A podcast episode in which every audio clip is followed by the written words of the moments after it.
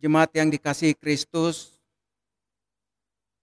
pengakuan iman rasuli kita mulai dengan aku percaya kepada Allah, Bapa yang Maha Kuasa, Khalik langit dan bumi. Saya akan baca untuk kita Mazmur 56 ayat 4 dan 5. Waktu aku takut, aku ini percaya kepadamu. Ini kata-kata Daud. Waktu aku takut, aku ini percaya kepadamu. Sangat pendek, hari ini kita boleh hafal. Mazmur 56 ayat 4. Waktu aku takut, aku ini percaya kepadamu. Ayat yang kelima, kepada Allah yang firmannya kupuji, kepada Allah aku percaya Aku tidak takut. Apakah yang dapat dilakukan manusia terhadap aku? Saya baca lagi Mazmur 24 ayat 1. Juga Mazmur Daud.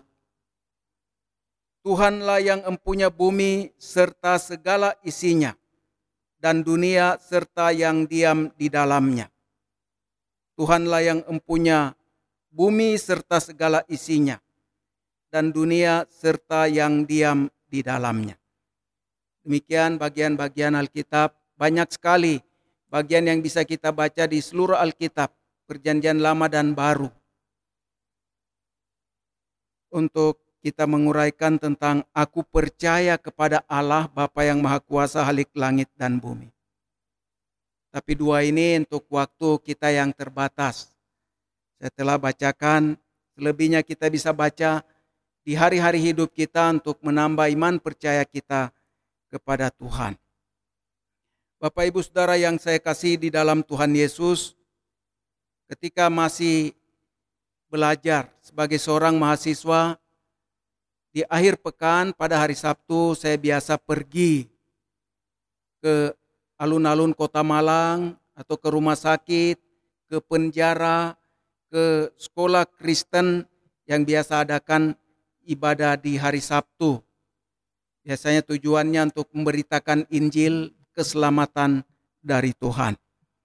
Pada suatu hari Sabtu, saya berkunjung ke rumah sakit Katolik untuk beritakan Injil pada orang sakit atau keluarganya. Masuk bagian depan di teras rumah sakit itu saya melihat ada seorang laki-laki sekitar usia 30 tahun. Dia kelihatan gelisah sekali, tidak tenang. Sebentar jalan sana, sebentar sana. Nanti sebentar-sebentar dia akan berdiri di depan pintu, mendengar ke dalam apakah ada suara atau apa, kemudian dia akan mundur lagi, duduk sebentar, berdiri. Saya lihat begitu, saya tahu ini orang ini sedang gelisah. Lalu saya bertanya, Bapak, apa kelihatan gelisah? Apa yang bisa saya bantu? Iya, bagaimana ya? Istri saya sedang dalam proses untuk melahirkan. Sudah lewat empat jam, tidak ada kabar dari dalam. Apakah dia baik, dia selamat, bayi saya juga sudah lahirkah, semua baik-baik. Tidak ada informasi. Maka saya gelisah, saya cemas akan keselamatan mereka. Saya bilang, Pak saya mengerti keadaanmu, tapi masalah itu memang saya tidak bisa membantu. Tapi saya hanya bisa berdoa. Kiranya Tuhan menolong proses persalinan sehingga ibu dan anak selamat. Lalu dia bilang begini, nadanya memang ini bikin saya kaget gitu. Apa? Jika saya bilang saya hanya bisa berdoa agar Tuhan menolong proses persalinan. Langsung bilang, apa? Di zaman seperti ini kamu masih percaya ada Tuhan, ada Allah yang bisa menolong? Saya bilang, iya saya percaya Tuhan ada. Dan dia pasti menolong karena dia yang menciptakan dan memelihara kita. Tidak. Saya tidak percaya ada Tuhan. Kalau ada kenapa para petani di Jawa Tengah itu sekarang ini mengalami kesulitan air, kekeringan, untuk panen saja mereka gagal. Terancam gagal. Siapa yang tolong mereka? Bukan Tuhan. manusia yang punya otak ini. Mereka bikin itu hujan buatan, kirim sana dan para petani ini tertolong keluar dari masa sulit ini. Bukan Tuhan. Dia bilang, tapi bukankah Tuhan yang menyediakan semua itu di alam semesta ini? Bilang, tidak. Bapak Ibu Saudara yang saya kasih dalam Tuhan, orang seperti ini tentu tidak ada dalam persekutuan Kristen kita hari ini. Karena tadi pemimpin liturgi bilang bersama orang percaya di segala tempat sepanjang segala abad, mari kita mengaku iman kita, percayaan kita. Untuk orang-orang seperti ini, dia tidak bisa ambil bagian bersama kita untuk mengaku percaya kepada Allah. Di sepanjang segala abad, orang-orang seperti ini selalu ada. Mereka akan berdiri dan berkata, "Aku tidak percaya kepada Tuhan, Allah itu tidak ada." Dalam buku-buku teologi, mereka dikategorikan itu orang anti-teistik. Paul Lenz, seorang teolog, di dalam bukunya mengemukakan menyebut beberapa pandangan tentang teori antiteistik. Pertama itu pandangan ateistik. Orang yang tidak percaya kepada Allah. Dalam Efesus 2 ayat 12 mereka disebut orang yang hidup tanpa Allah dalam dunia. Jadi tidak ada hubungan dengan Tuhan dalam kaitan dengan keselamatan. Ateis dapat diklasifikasikan dalam tiga kategori. Ateis praktis, orang yang hidup seakan-akan tidak ada Allah. Yang kedua itu ateis dogmatik, orang yang secara terbuka menyangkali Allah. Seperti tadi itu, tapi ada yang lebih lagi. Kemudian yang ketiga itu ateis virtual, orang yang menolak Allah sesuai dengan pemahamannya. Ada pandangan agnostik. Agnostik itu orang yang tidak memiliki pengetahuan tentang Allah. Jadi seorang agnostik itu mengatakan kita tidak dapat mengetahui bahwa Allah itu ada. Agnostik adalah pengikut pragmatisme. Kepercayaan mereka dalam segala sesuatu harus berdasarkan verifikasi secara ilmiah.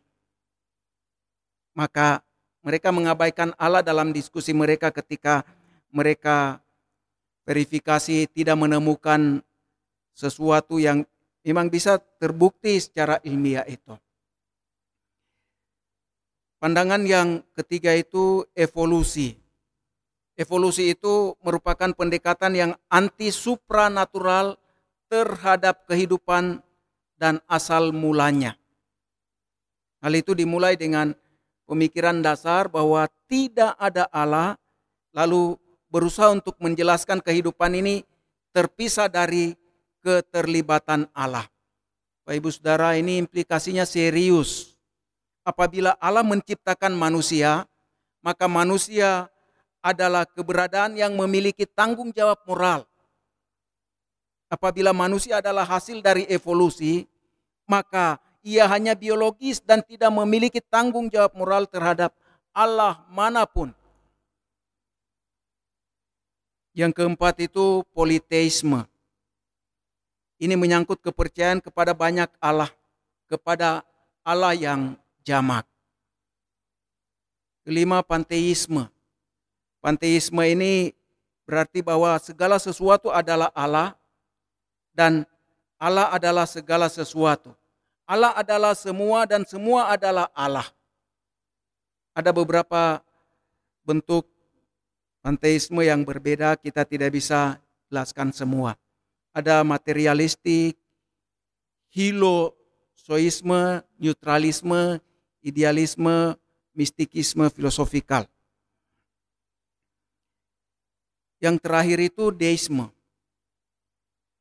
Penganut deisme percaya bahwa tidak ada Allah yang bersifat pribadi yang kepadanya manusia dapat berhubungan. Allah yang tidak berpribadi menciptakan dunia dan setelah itu memisahkan dirinya dari umat manusia dan meninggalkan manusia sendiri dalam dunia yang diciptakannya. Penganut deisme hanya mengakui Allah yang transenden, yang jauh, yang tidak dapat terjangkau. Mereka menyangkal Allah yang imanen, yang dekat dan bahkan ada di dalam kita. Kita percaya kepada Allah yang transenden tapi juga yang imanen. Bapak Ibu Saudara yang dikasih Kristus, kita bukan orang-orang yang termasuk dalam kategori pandangan-pandangan seperti itu. Karena bersama orang percaya di segala abad dan segala tempat kita mengaku percaya kepada Allah Bapa yang Maha Kuasa halik langit dan bumi. Apa artinya? Allah itu ada. Allah itu kita sapa sebagai Bapa karena jasa Yesus Kristus. Allah itu maha kuasa. Allah itu pencipta langit dan bumi. Allah itu baik, ia menyediakan segala sesuatu sebelum ia menciptakan manusia untuk mengelolanya, mengusahakannya, mempertanggungjawabkannya, menikmatinya. Pokok-pokok ajaran ini tidak bisa dijelaskan dan diselesaikan dalam satu jam. Karena itu paling baik kita bertanya begini, apa maknanya? Kalau aku katakan aku percaya kepada Allah Bapa yang Maha Kuasa halik langit dan bumi. Apa maknanya? Kita mengerti dalam dua pengertian dan dalam dua konteks. Yang pertama, alam semesta ini tidak bersifat kekal. Ini penting untuk kita mengerti karena dalam filsafat Yunani Romawi ada kepercayaan bahwa materi itu kekal. Materi itu ada dan ia tetap ada, materi itu bersifat kekal. Tetapi melalui pengakuan iman rasuli ini, para pemimpin gereja yang merumuskannya hendak mengajar bahwa materi tidak bersifat kekal. Langit dan bumi itu ada penciptanya dia diciptakan dari tidak ada menjadi ada. Alam semesta ini disediakan sebelum manusia diciptakan dan ditempatkan di alam semesta untuk mengelolanya. Allah yang empunya langit dan bumi. Mazmur 24 ayat 1 tadi. Hal kedua, alam semesta adalah baik dan bersumber dari Allah yang baik. Bapak Ibu Saudara yang dikasih Kristus, kita percaya bukan hanya kepada Allah, tetapi kepada Allah yang kita sapa sebagai Bapa. Orang Yunani Romawi mempunyai ya, kepercayaan kepada Allah yang jamak, Allah yang banyak. Demikian juga di berbagai suku bangsa di dunia ini, mereka percaya kepada Allah yang banyak. Tetapi kita percaya kepada yang satu yang kita sapa sebagai Bapa dalam Yesus Kristus oleh pertolongan Roh Kudus. Allah Bapa adalah Allah yang baik. Kalau Dia Allah yang baik, maka Dia pasti menciptakan dan menyediakan alam semesta yang baik. Ajaran yang terkandung dalam pengakuan iman rasuli ini secara khusus untuk mengkritik marsionisme dan juga gnostisisme, ajaran-ajaran sesat, ajaran yang menyimpang.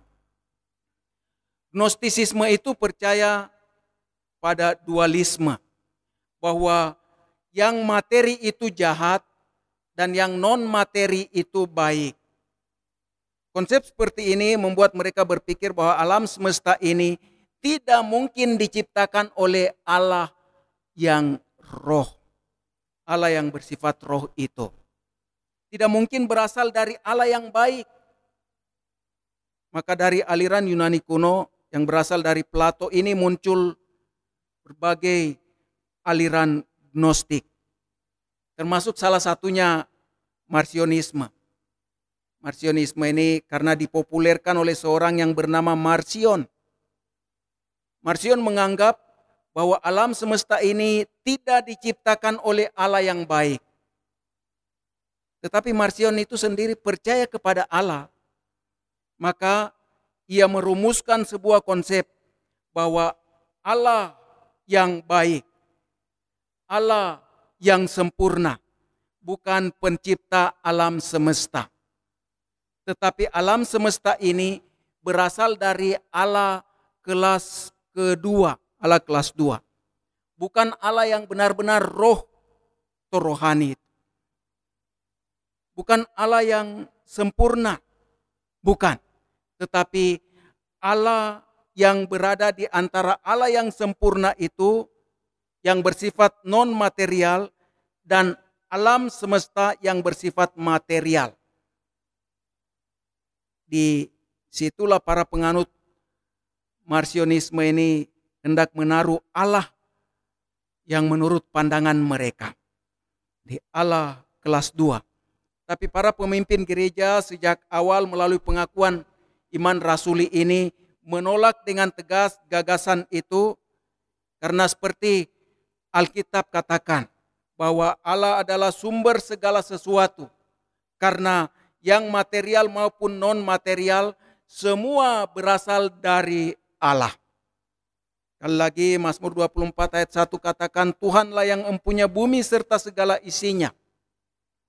Dan dunia serta yang diam di dalam. Mengapa? Dia yang ciptakan. Dia penciptanya. Dia yang menciptakan dari tidak ada menjadi ada. Karena Allah adalah baik. Maka dia menciptakan dan menyediakannya dalam keadaan baik segala sesuatu baik adanya. Dan bahkan untuk manusia nikmati dan kelola. Untuk kita pertanyaan dan pernyataan penutup bagian akhir renungan ini. Kalau Allah pencipta yang baik, mengapa ada musibah, bencana alam, ada marah bahaya malapetaka, Mengapa kita lihat ada banjir, gempa bumi, kejahatan bertambah-tambah, kerusakan juga makin jadi. Bapak Ibu Saudara yang dikasih Kristus itu bukan hasil karya Allah. Sekali lagi bukan hasil karya Allah, tapi karena ulah manusia. Akibat dosa manusia. Sejak pilihan yang manusia buat, mereka memang diusir keluar dari Taman Eden.